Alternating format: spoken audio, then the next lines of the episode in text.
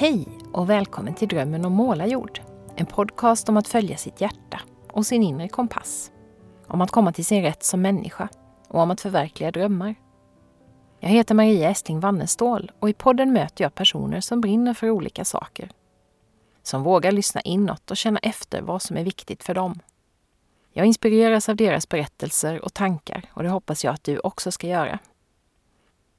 Det har blivit dags för årets första sammanträde med min kära poddklan, som förutom mig består av mina vänner Lisa Moreus och Sara Norby Wallin. Den här gången har vi också en gäst i poddklanen, vår gemensamma vän Ulrika Persson, som är alldeles nystartad egenföretagare och gjorde företagarpraktik hos oss tre under förra året. Ulrika skulle ha gästat podden i höstas, men av någon anledning så blev det inte av då. Så nu är hon här i Drömmen om målarjords avsnitt 103 istället. Den här gången utgår vi från en lyssnarfråga om hur vi får till goda samtal vid köksbordet hemma i familjen. Men vi har vidgat frågeställningen till att handla om goda samtal i allmänhet. Vilka erfarenheter har vi av det? Det blir ett avsnitt om såväl struktur och ramar som kreativitet och lekfullhet. Om att få syn på både sig själv och någon som står en nära i ett gott samtal. Om att omfamna den lilla pausen om hur nya fina samtalsformer och rutiner kan födas ur en pandemikris och en hel del annat. Varmt välkommen att lyssna.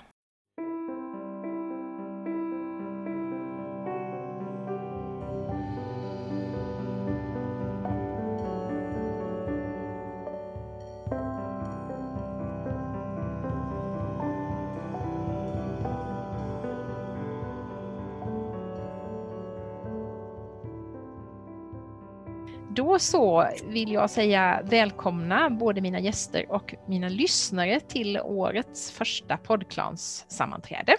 Och det är ju som vanligt Lisa Moreus och Sara Norrby Wallin som är här. Men den här gången har vi också en trevlig gäst med oss som heter Ulrika Persson.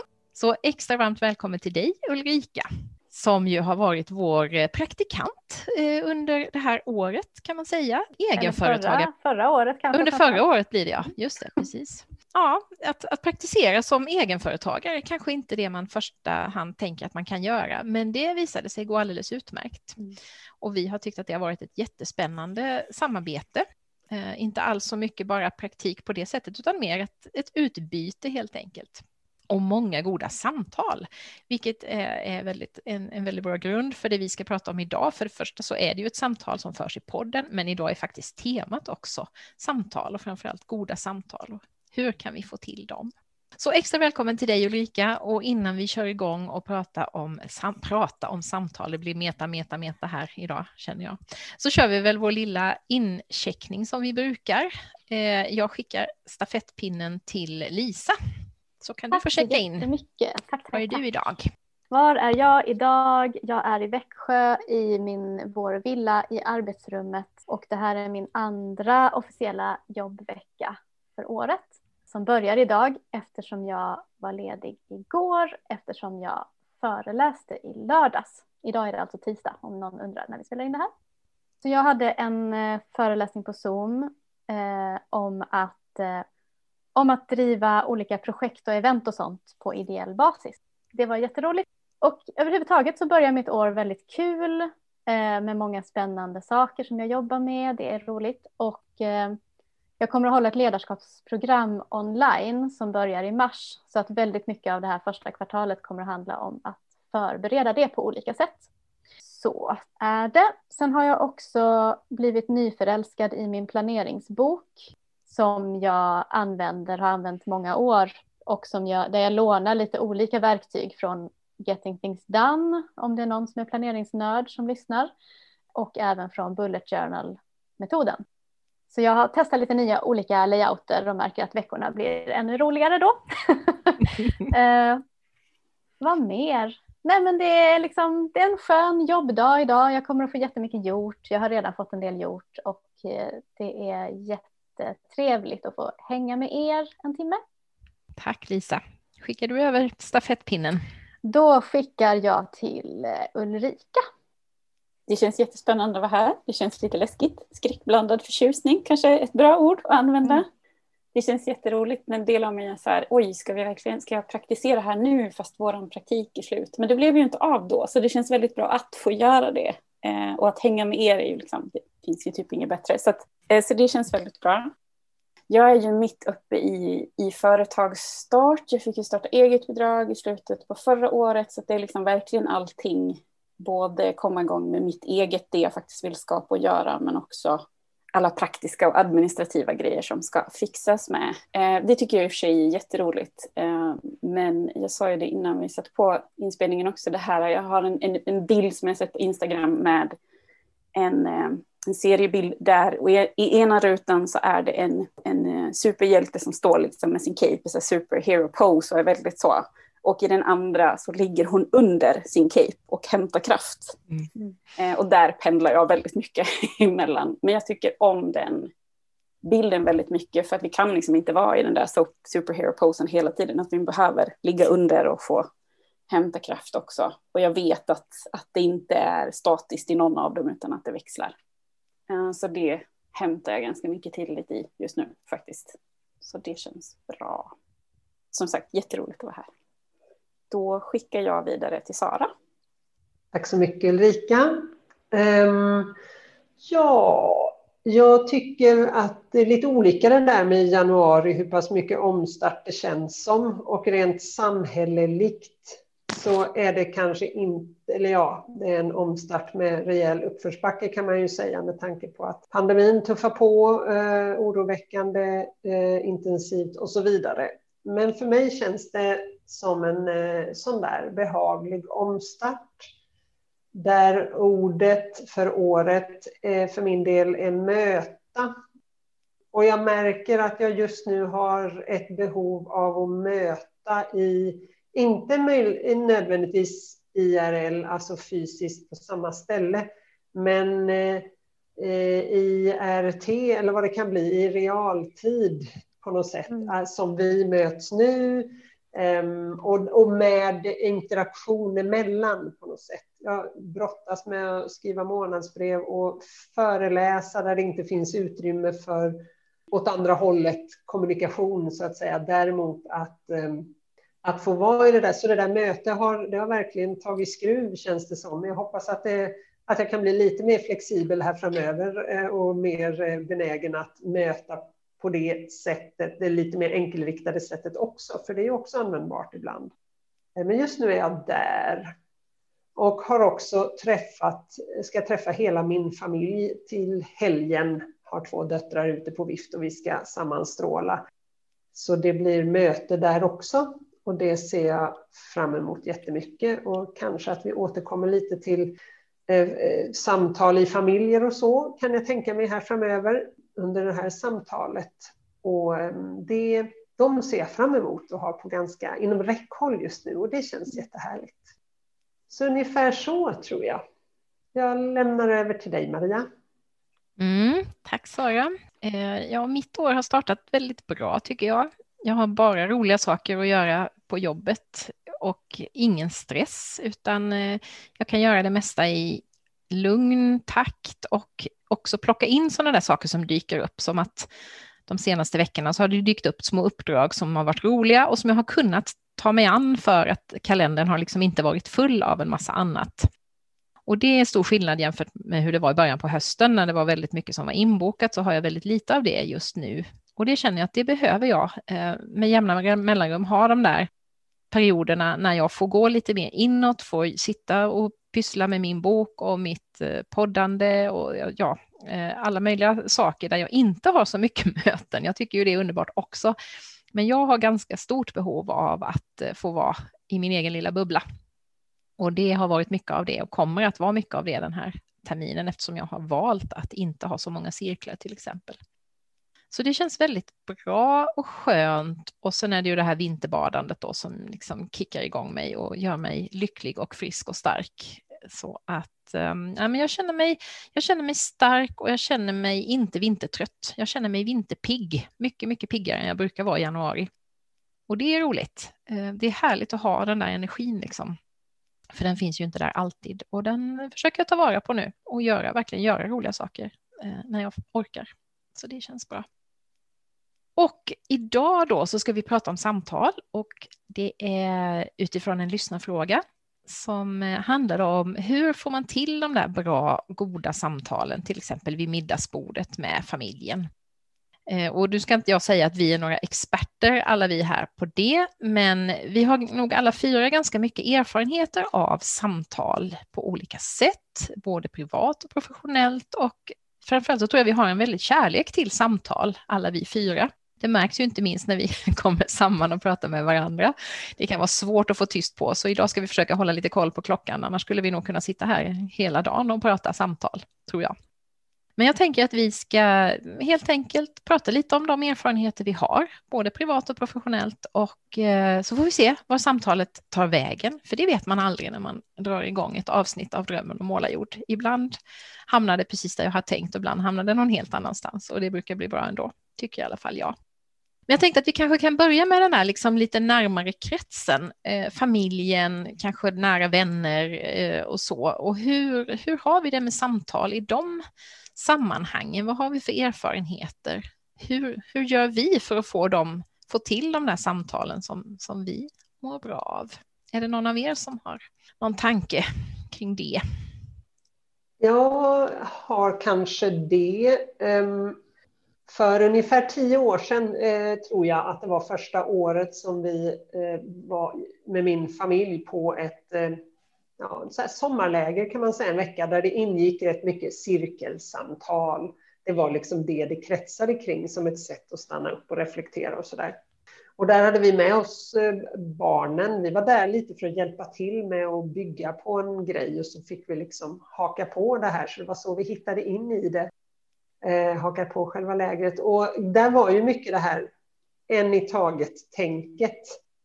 Och som vi tog med oss hem, körde rätt så sådär, använde som samtalsform ganska mm, formaliserat periodvis. Men sen har släppt lite grann, men det har ändå jag pratade faktiskt med min yngsta dotter tidigare idag just för jag ville höra vad hon har för tankar om det. Hon var med då, då var hon tio år och vad hon eh, har för erfarenhet av det, om hon tror att det har förändrat på något sätt vår samtalskultur och hon är också yngst, vilket ju inte behöver men kan innebära att man inte är den som har mest utrymme, lättast att hävda sig kanske och så där.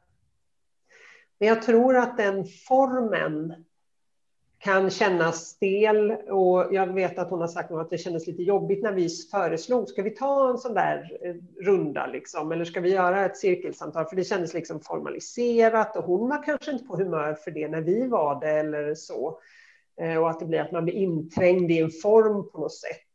Men å andra sidan när det liksom mer lättas upp och det blir mer att man, man har lite i bakhuvudet någon slags känsla för, men vänta, nu har vi inte bjudit in den personen i samtalet på ett tag och vi vill ju vissa frågor som är bra och intressanta tar man laget runt sådär. Det, jag tror att det har påverkat oss rätt mycket i vårt sätt att samtala i familjen, även om det inte är så ofta som vi använder en tydlig form. Mm. Jag kan ju haka på där, för vi har ju också varit på samma ställe då, i Mundekulla, som ju, vi har pratat om ganska mycket i den här podden. Vi har också haft eh, poddsamtal med Ann och Peter som grundade det här stället och med flera av dem som har varit med och drivit det här lägret. Och det var ju lite samma sak där. Vi, våra barn var ju också med på lägret och eh, vi försökte ta med det här hem, för vi kände ju att det, vi vuxna, eller kanske framförallt jag, kände att det här var någonting som, som gav. Eh, och vi körde ju det i ganska många år. Eh, det, vi kallar det för klanrunda då. Ska vi ta en klanrunda nu när vi sitter här? Och jag tyckte att det funkade ganska bra, eh, även om det var ganska stor spridning på barnen då, för Adam var ju bara två år första gången han var med där. Så, så han kunde ju liksom inte bidra så där, men han var liksom ändå med. Han lärde sig formen och så där. Han, han brukade säga, ama sover gott i ama-säng. Det var hans standardreplik eh, liksom i våra klanrundor när vi frågade hur, hur är läget idag och så där. Men sen i efterhand så har ju barnen talat om att de inte alls var särskilt förtjusta i det här sättet att prata. Eh, att de kände att det var ju som du sa Sara, just uppstyrt och på våra villkor och så där. Så att jag har ju blivit lite mer så där, mm, det kanske inte alls eh, var så bra, men jag tror precis som du att det ändå har skickat med någonting. Eh, och bara det där att man, att man ser ja, men låt, som du säger, man låter alla få komma till tals. Men jag tror att eh, det var nog ganska mycket så att det var jag som tyckte det här var jättebra och förde det med mig liksom och, och drev den där, höll den där fanan högt, att vi skulle ha ett litet Mundekulla i målarjord. Eh, så vi har ju släppt det nu, men däremot så tycker jag att vi har med oss idén om att det ibland kan vara bra att inte bara sitta och blablabla, sådär helt eh, planerat, utan att vi faktiskt vi kör lite sådana här grejer. Eh, något som vi lärde oss i Mundekulla till exempel var ju det som kallas för appreciation, en uppskattningsrunda. Och det gör vi varje födelsedag till våra, alltså den som fyller år får uppskattning av alla de andra för någonting som, som man tycker om hos den personen. Och nu berättade ju min eh, 16-åring här att hon och hennes kompisar hade gjort det när de hade en liten oh, eh, familj, eller så en liten kompisöversovning här före jul. Och då kände jag att, ja okej, okay, det har varit alla mina konstiga idéer här om saker och ting, men jag tror ändå att de har tagit med sig någonting som de har nytta av eh, när de faktiskt väljer att göra en sån sak utan att mamma har varit där. Så då blev jag ändå lite varm i mitt hjärta.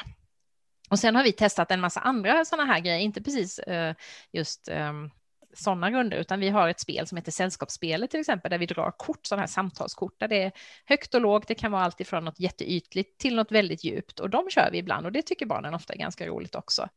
Och så har vi vår lilla lek Heta stolen, där en person får sitta i Heta stolen och så får de andra ställa frågor, och där har vi haft en del väldigt, väldigt fina samtal eh, med några eller hela familjen. Så att jag fortsätter nog att envisas med att det är inte så dumt ändå med de här lite ibland formaliserade grejerna som kan bli lite av en lek kan jag känna ibland, att det blir roligare då om man tänker på det lite som en lek snarare än att nu ska vi sätta oss ner, för det är så lätt att det blir allvarligt också. Eh, jag vet att något barn sa det ibland, att ibland kan, det här med familjeråd och så där, ja men nu är det liksom, nu är det någonting vi har gjort här, nu, nu ska vi, om man kan komma bort från det och liksom ha det här mer lekfulla, den lekfulla ingången, så kan jag tycka att, att det, det blir bättre. Vad säger ni, Lisa och Ulrika? Har ni några tankar kring det här med samtal i familj eller med vänner? Ulrika, vad tänker du? Nej, men det jag tänker är, alltså, jag tror att jag kom i kontakt med just alltså, cirkelsamtal och den sortens samtal eh, var ju när jag kom i kontakt med omställningsrörelsen. Eh, mm. 2014 var väl detta. Så det var ju liksom helt nytt för mig då, men jag märker, eller jag vet att jag Alltså jag tyckte inte att det var så konstigt, eller vad jag ska säga. Så det, jag tyckte om det väldigt mycket. Jag eh, har väldigt svårt, i alla fall nu för tiden, för ja, men så här ytliga chitchats. Liksom. Jag, när, när, man ska träffa folk som man vet att det blir sånt, jag har lätt att säga, nej men jag behöver nog gå dit bort en stund. Och så, för att jag, jag har jättesvårt att vara i det. Och tycker väldigt om liksom, djupa samtal som någonstans för mig känns meningsfulla, ska jag säga.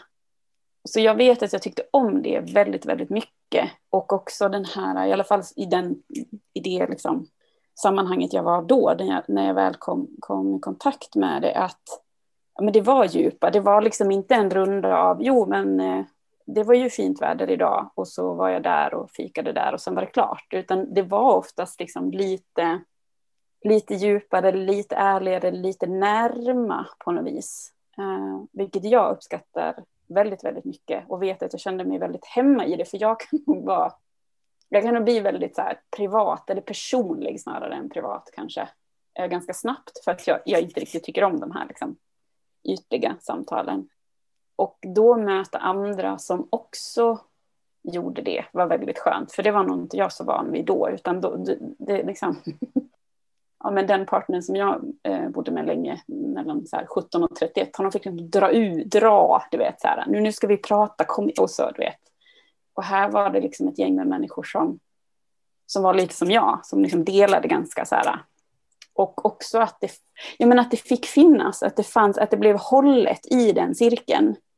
För annars kan det ju bli så där, ja men någon säger någonting som är ganska personligt och så himla liksom halva de som är med ögonen så, åh herregud, nej men nu måste vi styra in det på vädret här. Men där fanns det liksom, eh, ja men det blev hållet och det blev, det fick vara där. Det var liksom inget konstigt och det var en väldigt, väldigt skön känsla, vet jag att jag tyckte. Och det är väl det där också att bli sedd och få sin, alltså när det är en runda, att du får din portion med tid. Dels, dels att bli lyssnad på, men jag tror att jag också fick väldigt mycket träning i att lyssna. För det är väldigt lätt att komma, liksom, man kommer med råd eller man kommer med sitt eget inspel. Och så här, ja, men det känner jag, och jag, när jag, bla, bla, bla, bla. Och istället också få träna på att faktiskt lyssna liksom, på vad säger den andra personen. Så, så mitt första möte med det eh, var väldigt positivt.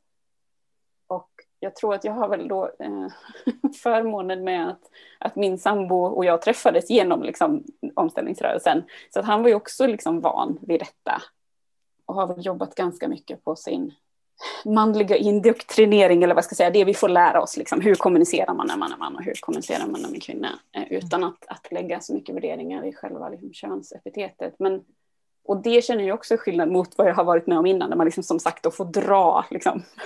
eller så här, nu ska vi prata och det är så oj nej, jag tänker det är samma som dina barn, kanske man är så här, nej men nu är det, nu är det någonting fel eller nu är det mm. någonting liksom. Men det behöver det inte vara, utan man vill få till ett samtal så. Använder du eh, och din eh, sambo det liksom hemma, den modellen? Pratar ni på det sättet ibland eller hur, hur har Nej, ni tagit gör, med det? Hem, liksom? Ja, alltså jag tror in, inte liksom vardagligs, och där glömmer jag nog ganska bort, ofta bort tyvärr, så här, just det, lyssna Ulrika, inte komma med inspel, liksom. det, det har jag väldigt svårt för. Men däremot tror jag vi har, vi har ju en tradition av att göra ja, men Susanna Conways material Unravel your ear, eller det är jag själv, men Find your word då, hitta vårt ord för året. Det har vi gjort fyra år tror jag nu, över nio år brukar vi ha den traditionen. Och det sitter man ju själv med, men det, finns, det är ju ändå ett samtal efteråt, så här, hur resonerar du och vad tänker du och sådär. Och till den liksom, Find your word-materialet så finns det också en, en liksom, att, så här, uh, monthly check-in som man ju då gör med sig själv för det mesta. Men det, och vi är inte bra på att göra det en gång i månaden kan jag säga. Men, men ändå kontinuerligt under året. Mm. Och då är det ju det, då, då delar vi ju liksom, först pratar han om sina och då lyssnar jag och sen tvärtom. Och det är klart att det kommer med inspel, men det finns ändå liksom det elementet av att eh, så. Så, så att, Ja, men det är lite så jag tänker också, mm. att när man mm. har gjort någonting sånt här så har man det ändå på något vis finns det med. Mm. Jag tänker det i samtal med min man också, att jag oftare nu liksom ställer frågor kanske till honom, eh, inte bara, jag pratar mycket själv också, men ställer frågor och försöker liksom vänta in honom. Mm. Eh, vi brukar sitta i vårt utebad och prata ibland till exempel och då har jag, jag har inte tänkt på det så, men det är nog, det finns nog med liksom den grunden ändå det här att, mm. att lyssna in mer och, och så. Lite annat, inte det där jättepingpong-aktiga samtalet som man kanske ofta har i andra sammanhang. Mm, precis, och jag menar det är så, jag tänker att det är väl samma sak säkert för, för både dig Maria och Sara som, som har haft era partners med på de här liksom lägren och för jag som Jesaja då som kommer från liksom samma, ja, men samma tradition och då, ja, men bo, vi har eh, båda samma erfarenhet även om den såklart landar olika i olika personer men vi har liksom ändå liksom en gemensam kontext på något sätt som vi kan eh, relatera till och som vi men, tycker mycket om eller vad jag ska säga. Så, mm. så jag tror att det Ja, mm, mm. absolut. Nej, men så det är min, min spontana så här, erfarenhet mm. tänker kring det. Vad tänker du Lisa? Jag vet ju att du och Thomas också har eh, spännande saker för er ibland. Så här, mm. nyårstid. Spännande saker för oss ibland, de är hemliga. Nej, men, eh, eh, ja, men jag, det är jätteintressant att lyssna på er och det, det, som, jag, det som kom upp också var ju både jag tror, eh, åtminstone jag och Sara, kanske Maria också ibland, vi jobbar ju ibland med att hjälpa grupper professionellt att eh, i olika samtalsformer eh, och sådär.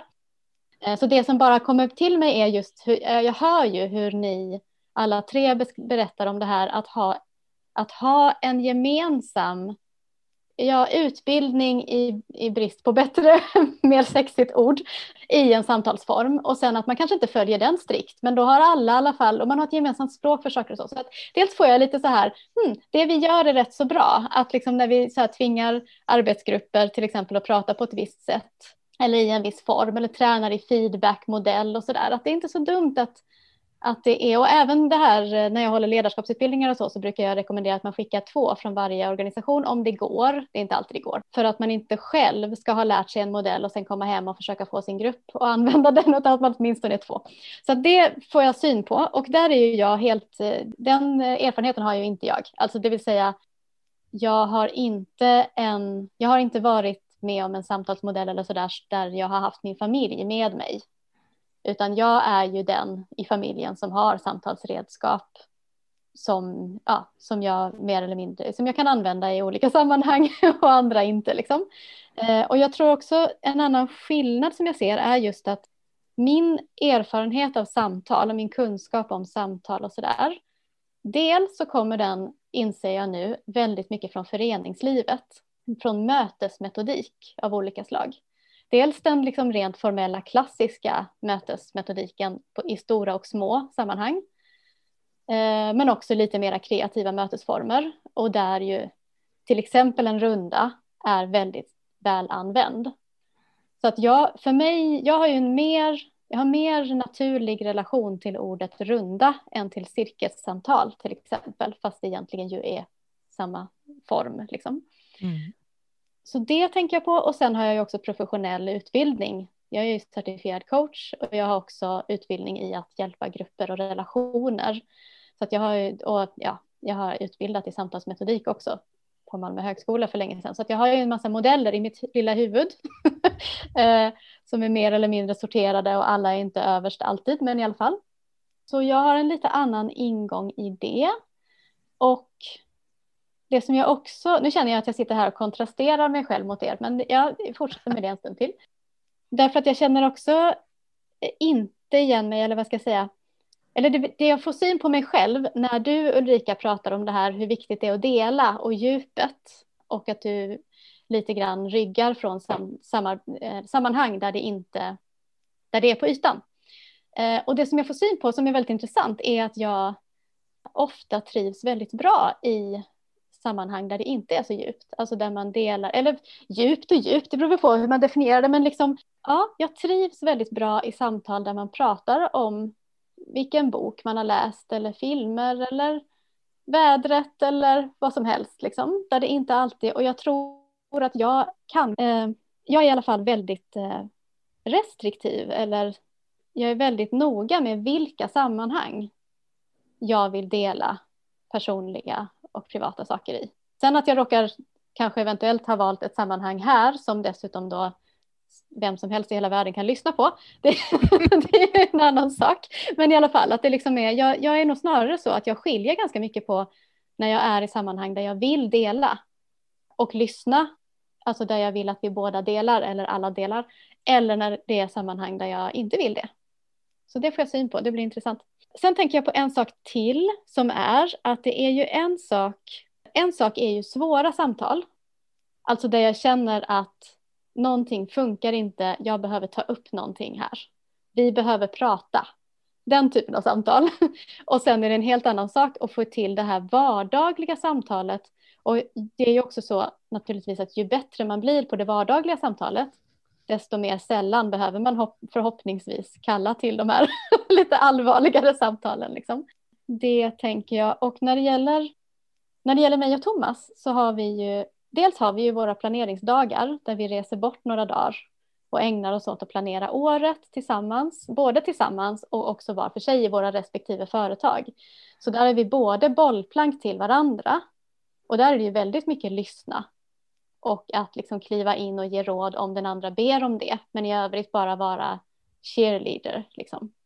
Och också när vi liksom pratar om vårt gemensamma år, vad vill vi med det här året tillsammans med huset och vår relation och allt annat. Liksom. Ehm, så dels har vi det, men sen har vi också, tror jag, en vana att, och det är väl kanske eventuellt min förenings, förenings, mitt föreningsjag som har bidragit till det, men vi har liksom regelbundna möten där vi, liksom bör, vi har inte haft ett möte på länge, äh, vi sätter in det i kalendern, passar det på söndag klockan 11, ja det blir bra. Och då kan man liksom, då sätter vi oss i soffan och så öppnar vi kalendern och så, ja vad behöver vi prata om? Och då kan man liksom beta av sånt som, och det, det kan vara allt ifrån det praktiska, så här, ah, men vi har ju pratat om att vi skulle fixa den där grejen i badrummet, ska vi göra det? När ska vi göra det? Bla bla bla. Och det kan vara liksom ja, men ska vi titta på vår familjeekonomi, är det någonting vi behöver prata om där? Alltså sådana väldigt praktiska saker. Men det kan också vara att man då har möjlighet att ta upp, du, jag har tänkt på en grej som jag retar mig på. Skulle vi kunna göra på ett annat sätt? Eller, så att det kan, det liksom, och det gör också att det blir mindre dramatiskt. Och att man slipper liksom ta upp, eh, det är inte så att vi aldrig bråkar, det skulle jag verkligen inte påstå, men men det är ändå så att istället för att liksom låta saker ligga och gro tills, tills man inte står ut längre utan börjar skrika på varandra, att man istället så här, nej men okej, okay, den här lilla grejen är inte så stor än, men det ska väl lite, ska jag ta upp det på nästa möte då? Så kan vi reda ut det liksom. ja, det låter som att det är jätteenkelt, det är det ju inte alltid. Men, men jag, tror, alltså, jag tror verkligen på att, och därför tror jag också att den här samtalsmodellen som ni har, alltså den här kring köksbordet eller vad det nu blir, liksom.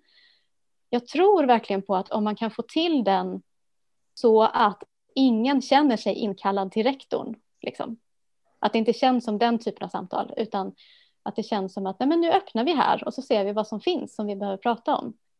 Ja, jag tror verkligen att det är att när, om det går att få till. Sen är jag också, det ska jag också, jag är ju, när jag valde att bli tillsammans med Thomas och flytta hit till Växjö så blev jag ju också del av en flock eftersom Thomas har fyra barn som ju redan då var tonåringar. Så att det är ju, det är ju en flock med i princip vuxna människor. Nu är ju alla vuxna, alla är över 18.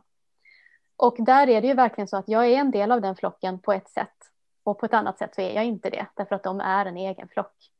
Så att det finns liksom olika cirklar. Thomas och jag har en alldeles egen cirkel och sen har vi en cirkel som inkluderar barnen och sen har barnen sin egen cirkel och sen har Thomas och barnen sin egen cirkel. Och man kan tänka sig denna upprit, uppritat på en whiteboard och där tänker jag att det är olika, alltså vi har olika samtalskultur i alla de här cirklarna. Liksom. Och det är också någonting som jag har fått acceptera. Att det är, det är olika och det måste få lov att vara det. Liksom. Och när det gäller, nu pratar jag väldigt länge känner jag, men eh, när det gäller den cirkeln där jag och barnen och Thomas är tillsammans. Det är ett sådant tillfälle där jag känner att ja, men där, det är inte ett tillfälle där vi delar jättedjupt. För det är inte den kultur vi har i den gruppen. Och det är för mig jag tror att det är faktiskt precis som jag vill ha det. Det är jätteviktigt att de här barnen, till exempel, nu kallar jag dem för barn fast de inte är det längre, men de får dela och känner att de kan det när de behöver det och så, men det kanske inte alltid är till mig. Och det kanske inte alltid är i den hela gruppen. Så, och det får vara okej. Så att det är också liksom att vi äter middag i princip varje dag och att vi brukar ta en kvällsfika vi, vi, har ju dem varannan vecka hos oss. Så när de kommer på måndagen, den måndagen brukar vi ta en kvällsfika ihop. Och då pratar vi inte oftast djupa saker. Då pratar vi strunt och kanske ser en film ihop eller något. Och det känns, eh, det känns för mig som en väldigt lagom nivå. Liksom. Mm.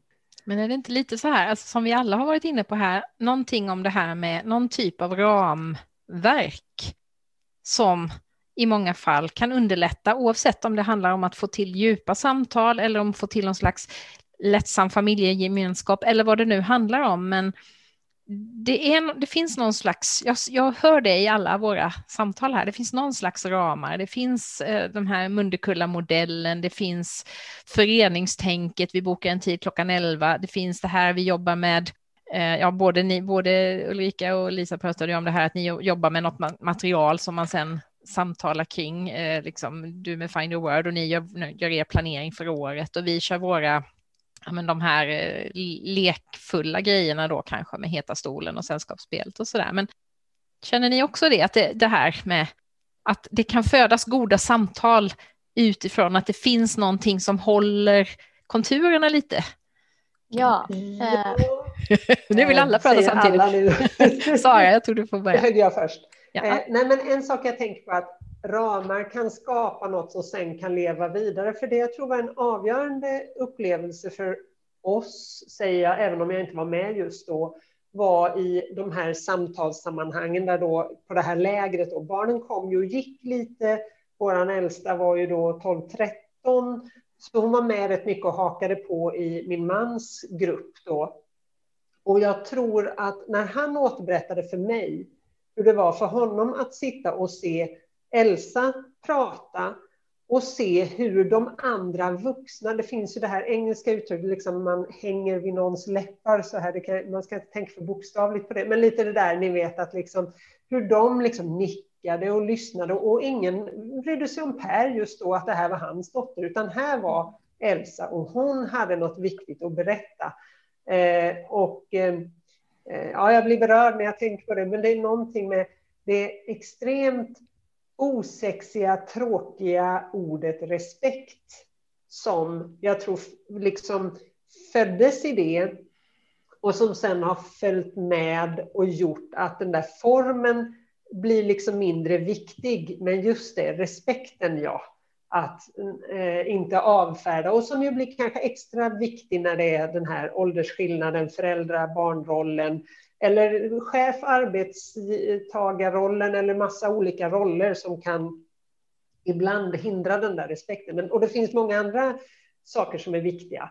Men den här känslan av att dels att någon är, respekt, eh, är expert på sitt eget liv, det är en form av respekt, men också att ja, det här är en individ bland flera andra i en cirkel, liksom, eller i ett samtal. Och då blir ramarna kanske lite mindre viktiga om man får med sig den eh, grundbulten på något sätt. Mm. Ulrika, vad tänkte du? Nej, men jag tänker just på det här med ramar och struktur och det jag tänker på också kopplingen till alltså kreativitet. Eh, kursen som jag går för, för Anna Loven, The Creative Doer, där pratar de också väldigt mycket om just det här ja, men det, på något sätt känns det som att det står liksom i, i kontrast till varandra. Alltså, men vadå, jag ska ju vara kreativ och skapande, då ska det liksom vara fritt flödande och det ska, vara, det ska inte vara några ramar. Men det hon pratar mycket, säkert jättemånga som just pratar om kreativitet, är ju att när du har ramar och strukturer som håller det, så är det faktiskt lättare att få till det där flödet och få det. Liksom. Och jag tänker att det är lite samma sak här.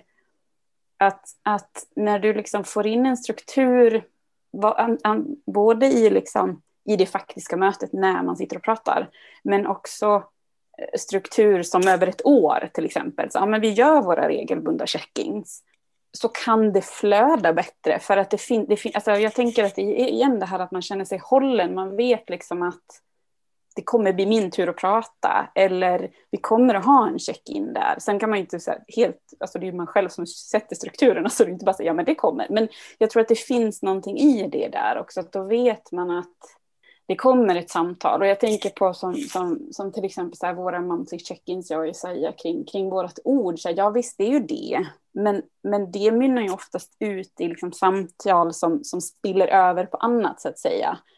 Och jag tror att det är mycket det där att ha den här ramen eller strukturen gör att ja, men det, det håller det och då kan du liksom spilla över eh, åt andra håll. Medan om det inte finns någon form överhuvudtaget så kanske det blir väldigt så men splittrat kanske, eller det blir inte av, eller det blir de här surdegarna, tänker jag, som, som, som Lisa pratar om, att om man liksom inte tar tag i det så... Eh, och det blir lättare kanske att ta tag, för att man faktiskt har en struktur, en rutin på att man checkar in med varandra.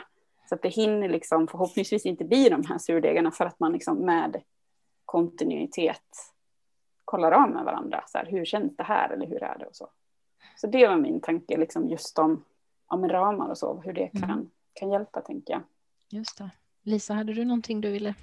Ja, jag tänker, dels så tänker jag på, det är jättefint när du berättar Sara om den eh, situationen på, på Mundekulla och eh, jag tänker det här att som barn i relation till sina föräldrar så är man ju, det är ju ofta så att föräldrarna är den sista att upptäcka att man har växt. Sådär.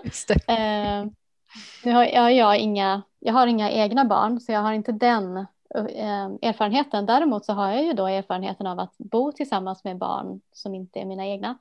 Och där möjligen, utan att utlämna någon, så möjligen är det så att, att de är jag vet inte hur jag ska, jag, jag pratar helt generellt. Helt generellt är det ju så att tonåringar till exempel eventuellt är en annan person med människor utanför den egna familjen medan de är väldigt mycket tonåringar med sina föräldrar. Så kan det ju vara.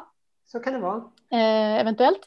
Och, eh, och då kanske det är så att man, när man inte är deras förälder så kan man få se helt andra sidor än vad föräldern kanske får se. Och då är det ju häftigt att hitta ett sammanhang, Sara, där eh, tonåringen eller barnet får vara en egen människa eh, mm. och, ha, och kliva in i den rollen som den kanske inte har normalt när föräldern är med det är jättehäftigt att hitta ett sådant sammanhang där föräldern också är med. Det är ju jätte, mm. ja, det låter Jag tror ju också att det är ofta så att vi föräldrar inte är jättebra på att se eller locka fram den sidan hos våra tonåringar mm. Eh, som, som, eller andra tonåringar, men kanske framförallt våra egna. Vi, vi är lite hemmablinda och vi så. Så att det, det För det har jag funderat mycket på hönan ägget grejen där kring ja. tonåringar. Mm. Eh, att det, det, det, är i alla fall, det är i alla fall inte bara en kraft åt ett håll utan det är många krafter involverade i det.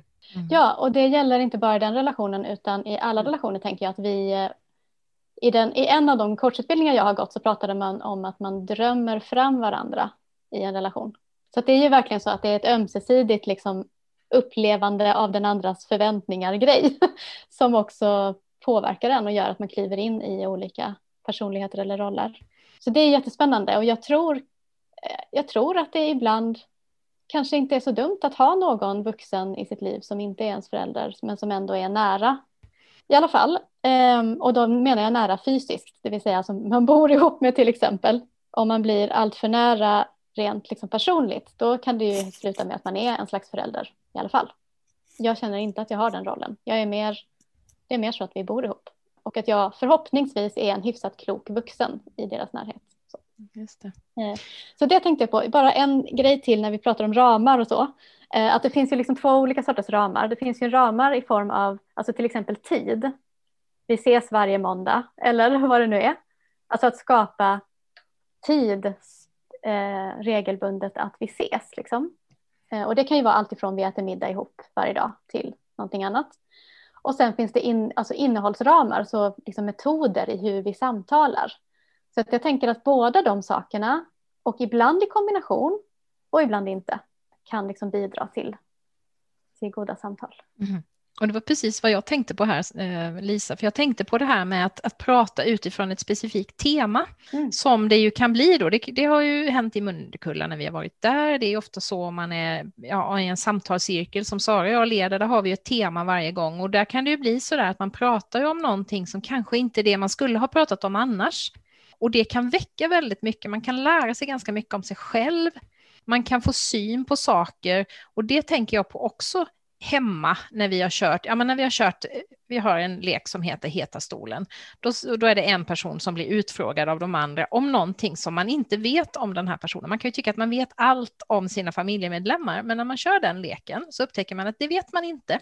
Och det var en sån där grej som hände på julafton, inte förra året utan för förra året. Då körde vi den, jag och några av barnen och min svärmor. Och där kom det upp saker som jag insåg sen i efterhand att fasen, det här hade vi kanske inte fångat upp annars. Det kom nämligen upp en jätteviktig sak som jag och min äldsta dotter behövde prata om. Vi var tvungna att ta det här till ett, ett walk and talk-samtal i skogen, för vi kände att det här var någonting vi måste gå vidare med. Det är ju inte alltid det lämpar sig att liksom grotta ner sig i den större gruppen.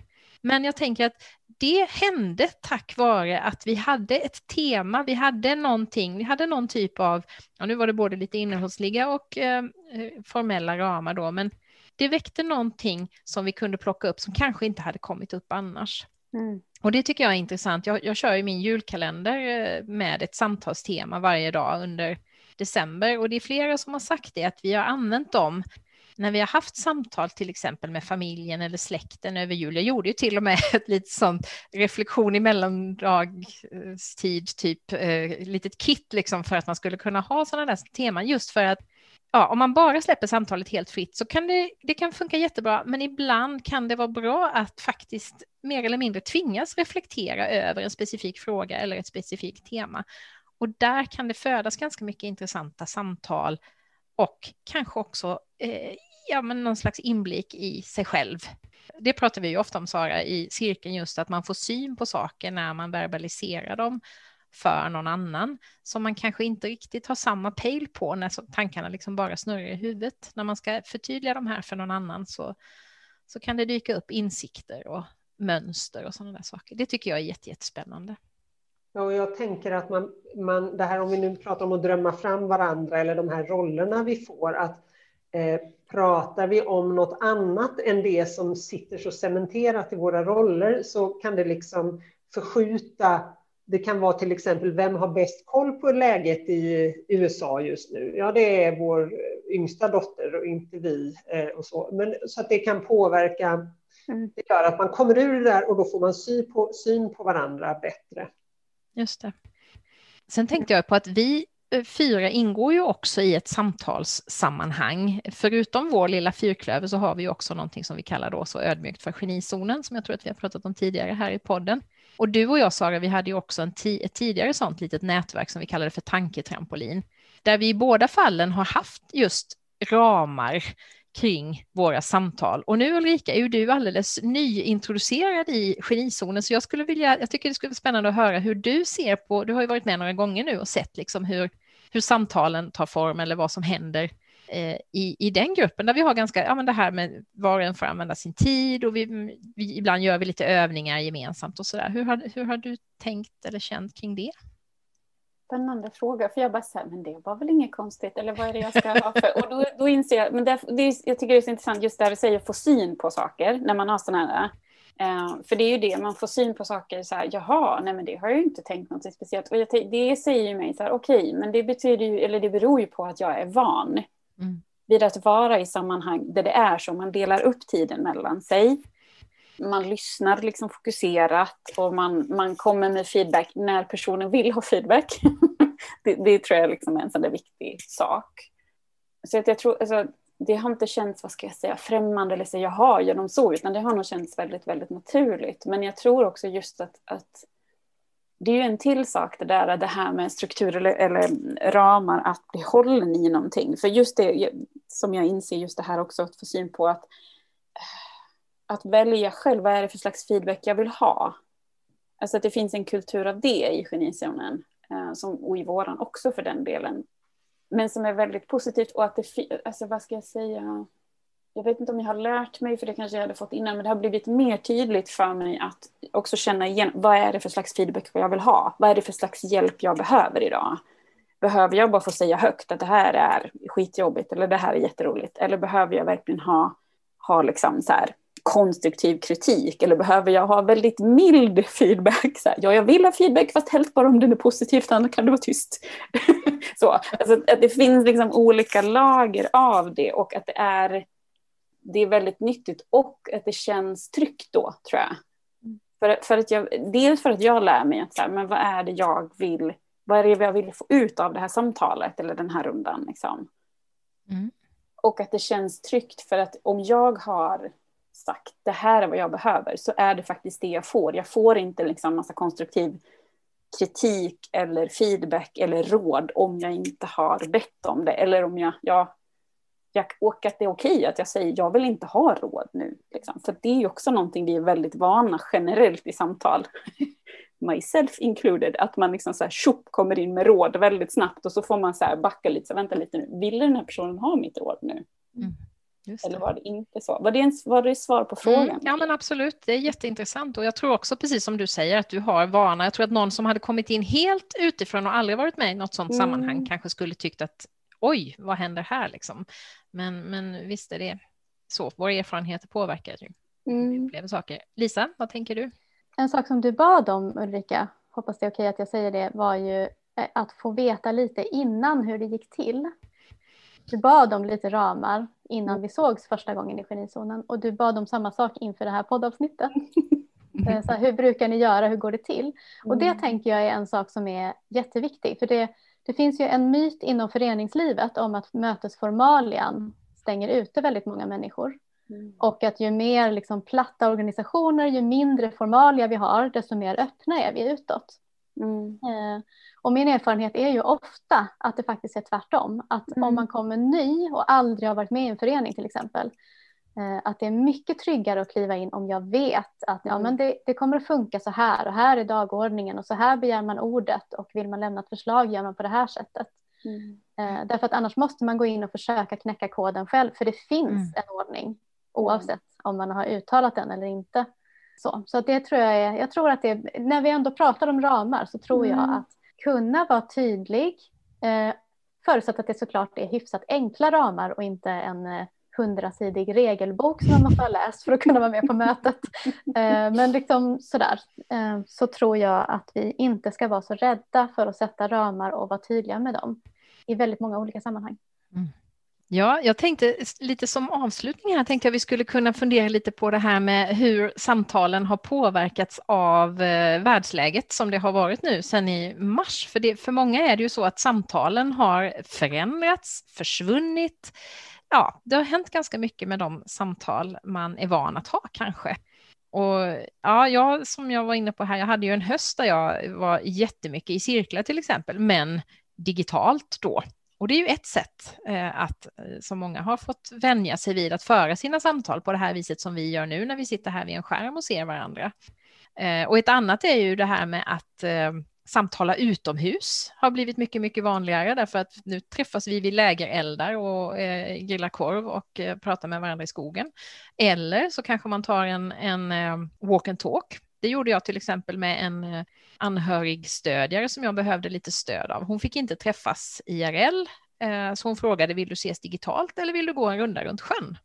Och där tycker jag eh, det är någonting som jag uppskattar jättemycket, att prata samtidigt som man går bredvid varandra eller sitter bredvid varandra i en bil. Men det här att inte alltid behöva se varandra i ögonen när man pratar, det kan låta konstigt, men jag kan uppskatta det jättemycket att gå två personer bredvid varandra och prata, särskilt om det är någonting som är känsligt sådär. Hur tänker ni kring de här lite nya alternativa, eller halvnya, men mer eh, frekvent använda samtalsformerna, det digitala och utomhussamtalen? Ulrika? Nej, men det jag tänker på just där, ehm, mm, um, få syn på mig själv, men det du säger om ögonkontakt eller just det här att vara, vara mitt emot. För jag tycker det är intressant, just det här året så är det lite som så här, speciellt när vi har haft praktiken tror jag också så här, ja men då har det liksom, på ett sätt är det självklart att köra ett Zoom liksom, eller något liknande, alltså när man ser varandra för att man vill det. Men det är som att jag har så här, stundtals glömt bort, alltså just det, man kan ju prata telefon också. Men det behöver liksom inte vara bild. Och faktiskt känslan eh, som blir att det är skillnad och det är lättare att slappna av. Alltså en sak som jag har lärt mig när det är Zoom-möte, det är så här, ta bort bilden på mig själv.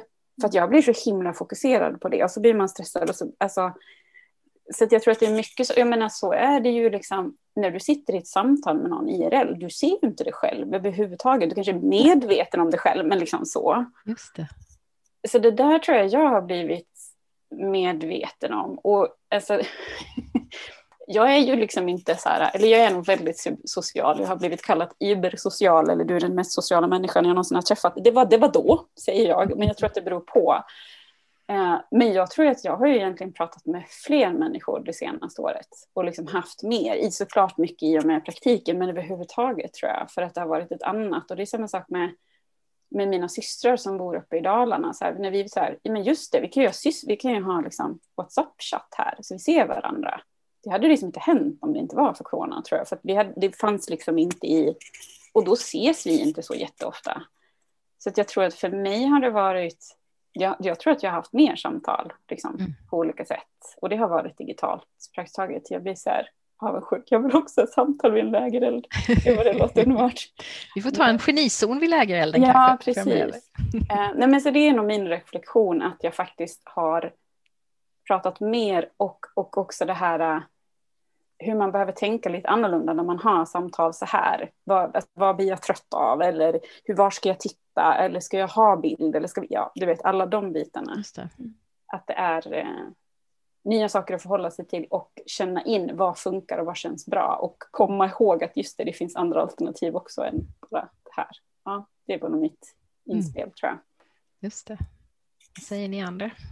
Ja, jag tänker, jag skulle säga tre saker. eh, jo, dels så håller jag med eh, väldigt mycket om det här med bild. Alltså som coach till exempel så coachar jag per telefon men inte, inte via Zoom. Det är några enstaka klienter som absolut har bett om det som väldigt gärna vill ha bild och då har jag gjort det någon gång ibland. Så. Eh, men jag tycker coaching funkar mycket bättre eh, när klienten får ha blicken inåt istället för att titta på mig eller sig själv ännu värre. Så, så det vill jag verkligen hålla med om, att det blir, det blir mycket mer intimt med, med telefon. Eller med bara ljud menar jag, eh, mm. än med bild, ofta. Eh, och jag tror det är just på grund av det som, som du säger Maria, att, eh, för jag är också sån, jag samtalar mycket hellre och sitter bredvid någon än att jag, att jag sitter och tittar in i personens ögon. Jag blir jättestressad av det, det, är inte, det funkar inte för mig. Vilket jag har, jag har fått upptäcka i vissa relationer. Till exempel min underbara Therese som jag drev företag tillsammans med länge. Vi fick verkligen det, jag upptäckte att våra incheckningar inför att vi skulle göra ett uppdrag tillsammans, jag blev så himla stressad av dem och för Therese var de så viktiga. Och till sist kom vi på att så här, ja ja, men om vi istället för att sitta mitt emot varandra och titta varandra i ögonen, om vi istället gör incheckningen på, i en promenad, mm. ja då funkar det jättebra. Så att det är liksom någonting som, ja det, jag känner igen det väldigt mycket. Eh, och i anslutning till det, det som hände häromdagen var att jag gick en promenad för mig själv och så hade jag lyssnat klart på podden och så tänkte jag, jag har lust att ringa och prata med någon som jag liksom tycker om. Så kom jag på, jag vill ringa Thomas som alltså satt hemma i soffan eh, och som jag strax en kvart senare skulle komma hem till.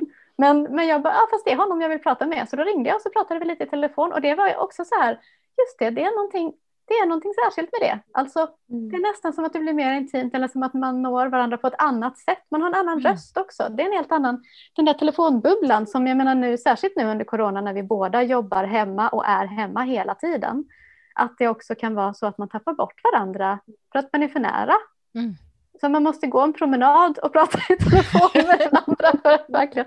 Alltså det var spännande. Och sen den tredje saken jag vill säga är just det här att eh, eh också hålla med om att det är vi spelar ju mycket spel i min familj och då menar jag familjen bestående av mina syskon och föräldrar, alltså min ursprungsfamilj som jag är väldigt nära och som är väldigt viktiga för mig. Eh, och det, har vi ju, det är inte alls samma sak som att träffas live, att spela på nätet, men det har verkligen, alltså jag är så himla lycklig över att vi har lyckats hitta former för att spela TP till exempel Trivial Pursuit där jag riggar kameran så att alla kan se. Vi spelar med en riktig spelplan och jag riggar kam en kamera mot den och en kamera mot mig själv. Så ser vi varandra och spelplanen och så flyttar jag åt alla och så. Och med mina syskon så träffas vi ibland och spelar olika nätspel med varandra. Och det är någonting helt nytt. Det har mm. aldrig hänt tidigare. Eh, det, tack 2020 för det. Och det gör att jag tror vi har spelat mer spel under 2020 än något annat år. liksom. Och det gör inte att jag saknar några mindre. Jag längtar fortfarande efter att jag får lov att ta tåget till Malmö och Lund och Solna. Eh, men det är roligt ändå. Det är en annan grej som är kul och bra. Och så upptäcker jag vilka relationer, det var en fjärde sak då. Jag upptäcker vilka relationer där det är enkelt att hålla kontakten på distans och vilka relationer det inte är det. Mm. Och det handlar ju också om någon sorts samtalskultur eller så i den relationen. Att man är, så van, är man inte van vid att prata i telefon eller på nätet eller så. Och då, då märker jag att det krävs en betydligt större ansträngning om jag vill hålla den relationen vid liv. Mm. När det måste ske på distans. Det. Så det är olika. Ja, ja verkligen.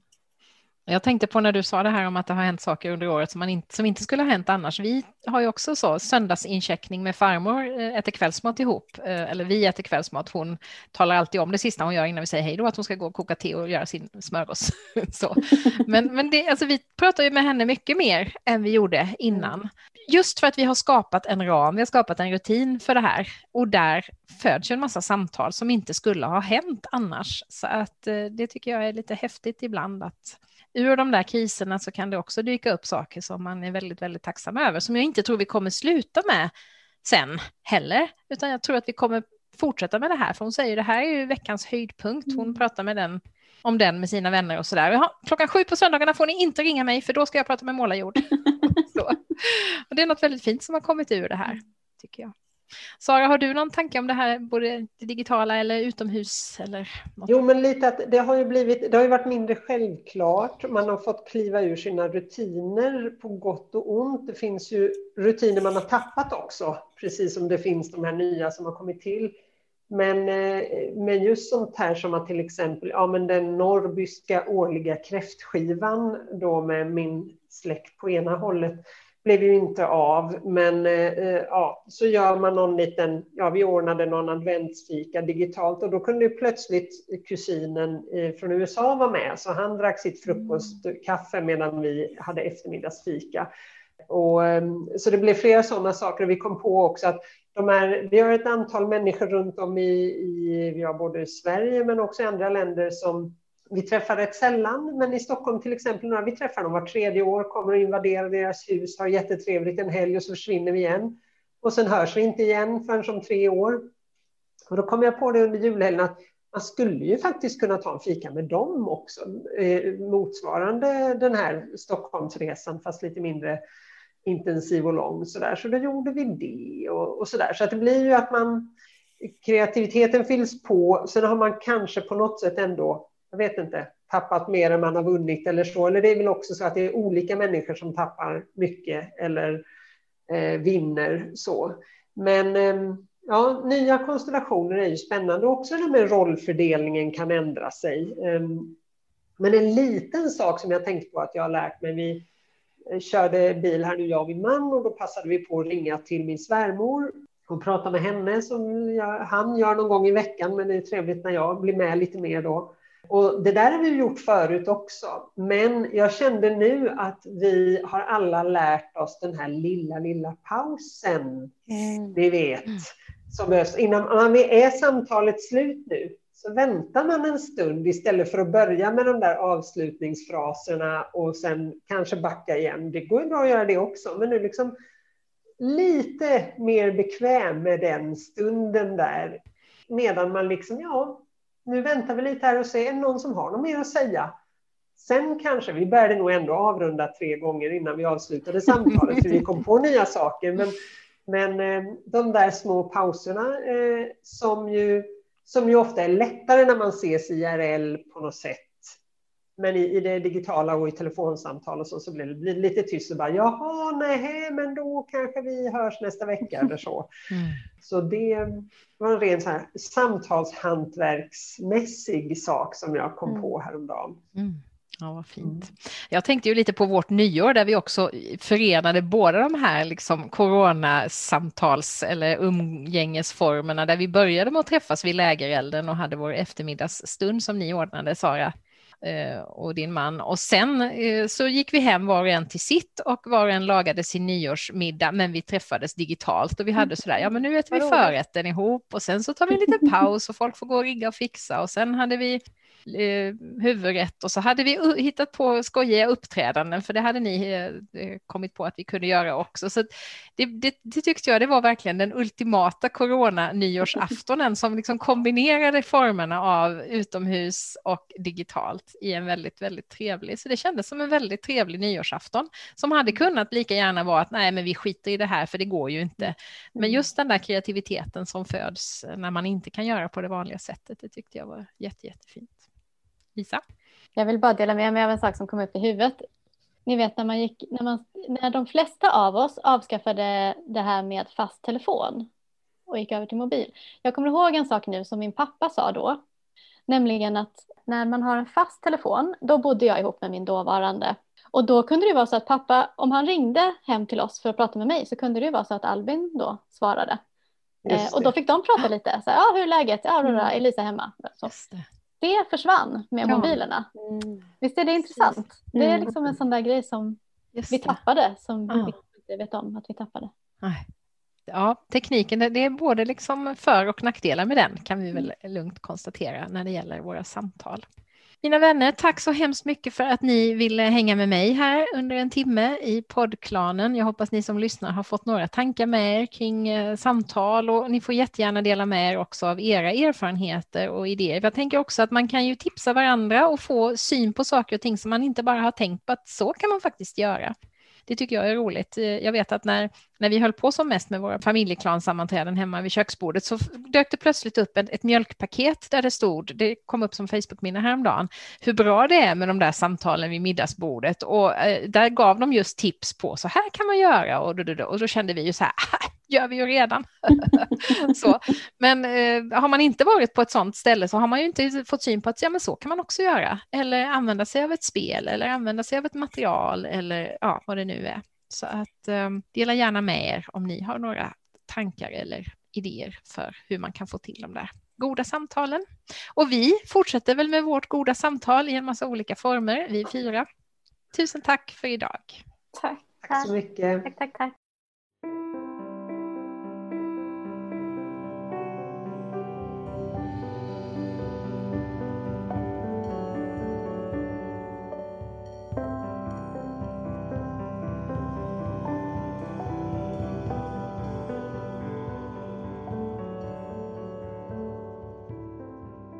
Ja, jag hoppas att du tyckte att det här samtalet om goda samtal var just ett sånt.